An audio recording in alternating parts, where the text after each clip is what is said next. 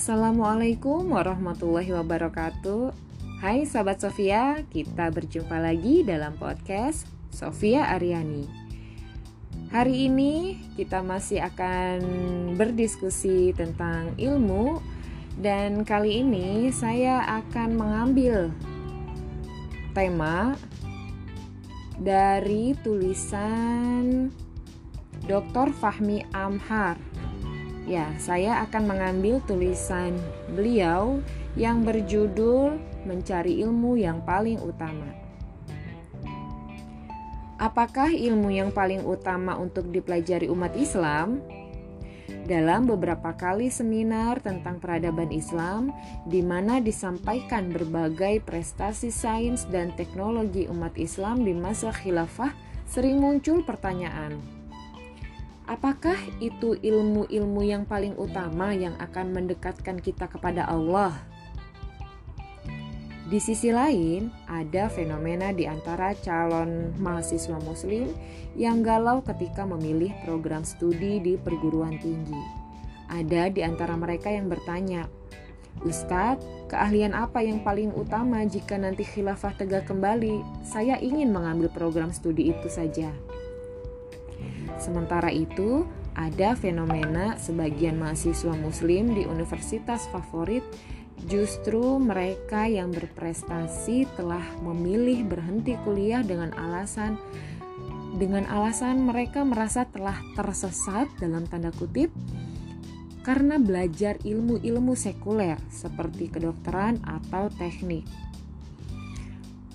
Sementara ilmu-ilmu yang terkait kebahagiaan dunia dan akhirat, yaitu ilmu-ilmu agama, belum cukup mereka teguh. Di dunia pendidikan sendiri, rupanya soal ilmu yang paling utama diajarkan ke anak didik ini masih dalam perdebatan, masih terus diperdebatkan anak-anak sekolah dasar kita tampak kelebihan beban, bahkan dalam arti harfiah. Di antara di beberapa sekolah dasar Islam, tas ransel yang dibawa siswa SD itu sangat berat. Untuk pelajaran bahasa saja, mereka harus belajar empat bahasa.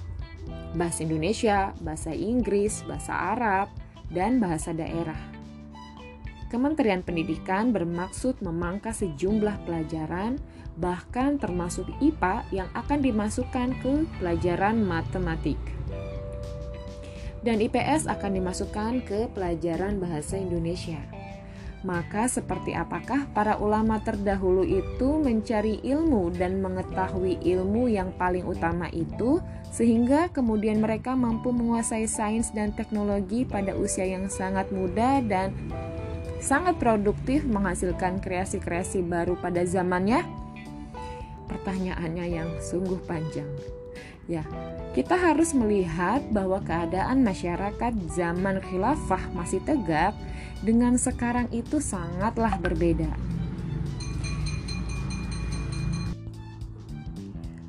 Pada masa itu, pendidikan masih memiliki visi dan misi yang sangat jelas mereka ingin mencetak generasi hamba Allah yang taat, menjadi umat terbaik untuk dihadirkan ke tengah-tengah manusia, dan cakap memberi rahmat ke seluruh alam.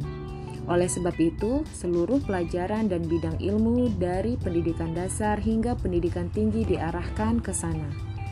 Dari segi prioritas juga sangat jelas amal yang fardu ain bagi seseorang, maka mempelajari ilmunya juga fardu ain. Amal yang fardu kifayah, ilmunya juga fardu kifayah. Amalan sunnah, ilmunya juga sunnah. Demikian seterusnya untuk yang mubah, makruh, dan haram. Karena itu, belajar cara membuat homer atau ilmu tenung jelas hukumnya adalah haram. Adapun yang fardu ain itu cukup banyak. Ilmu tentang tata cara ibadah mahdoh seperti toharoh, sholat, puasa, atau tentang akidah dasar, mengetahui halal haram sehari-hari, membaca Al-Quran, bahasa, bahasa Arab dasar, itu fardu dipelajari sebelum seseorang balik. Seseorang balik ya. Untuk wanita hamil adalah fardu ain belajar soal tata cara merawat dan menyusui bayi. Orang yang akan diangkat dalam suatu jabatan atau memangku sebuah profesi, maka fardu ain baginya mempelajari segala sesuatu yang terkait jabatan atau profesi itu.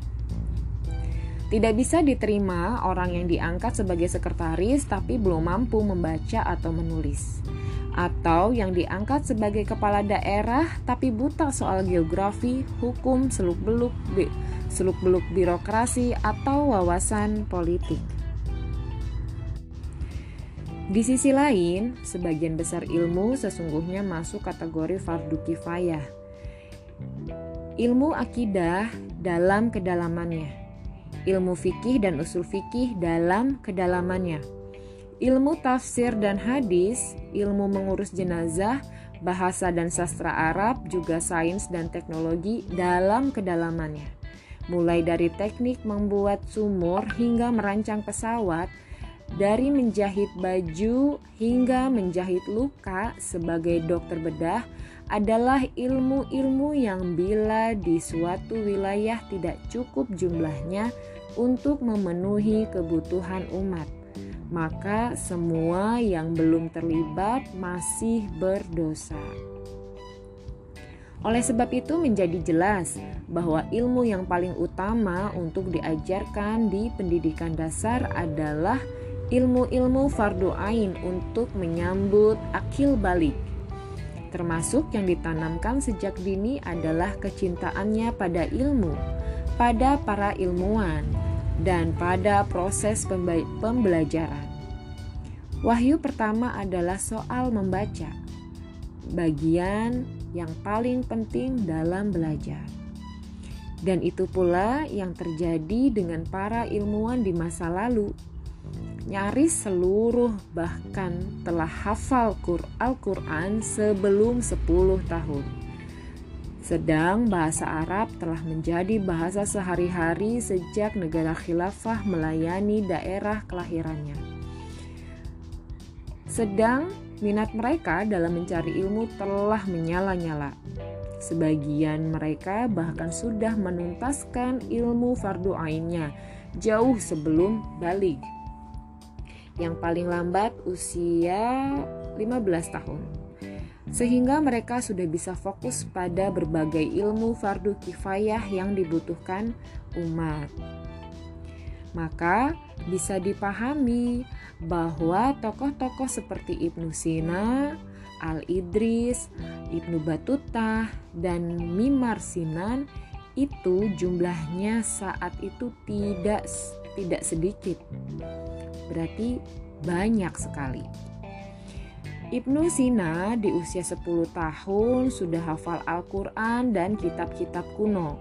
Setelah ia menamatkan fikih pada seorang fakih dan aritmatika pada seorang pedagang.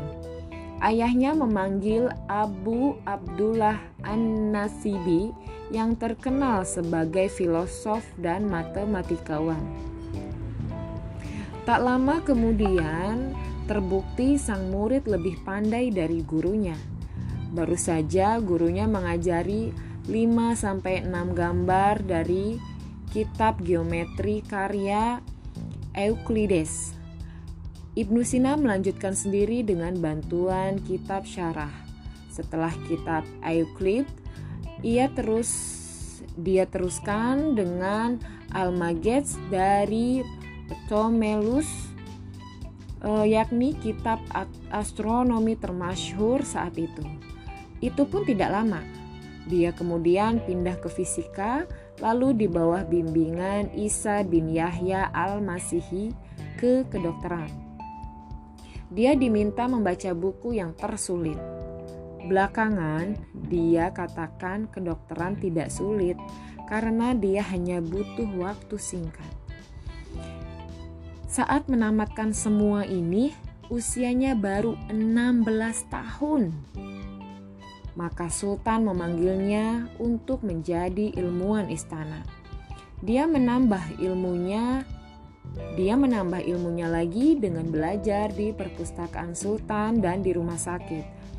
Di usia 18 tahun, dia benar-benar menamatkan semua yang dia dapat yang dapat dipelajarinya. Al-Idrisi pada usia muda sudah gemar bepergian ke tempat-tempat yang jauh, ke Eropa, Asia, dan Afrika untuk mengumpulkan sendiri data dan fakta geografi.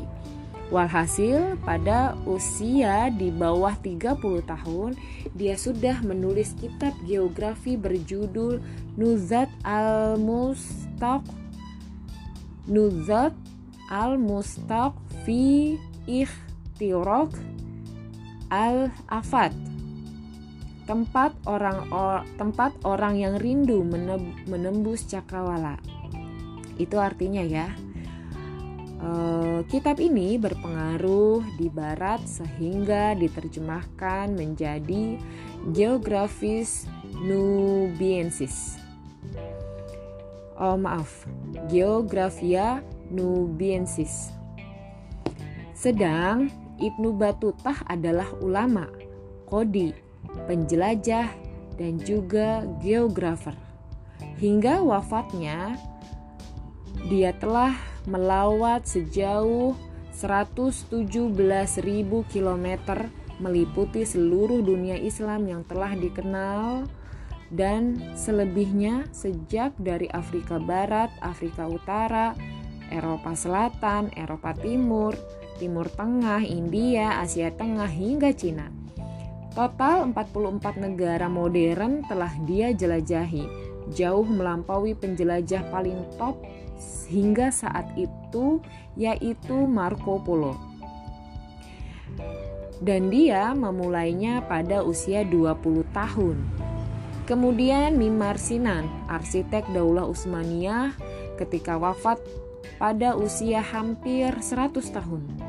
Ternyata telah membangun 94 masjid besar, 52 masjid, ke masjid kecil, 57 sekolah tinggi, 48 pemandian umum, 35 istana, 20 rest area, 17 dapur umum, 8 jembatan besar, 8 gudang logistik, 7 sekolah Al-Quran, 8 saluran air, dan 3 rumah sakit.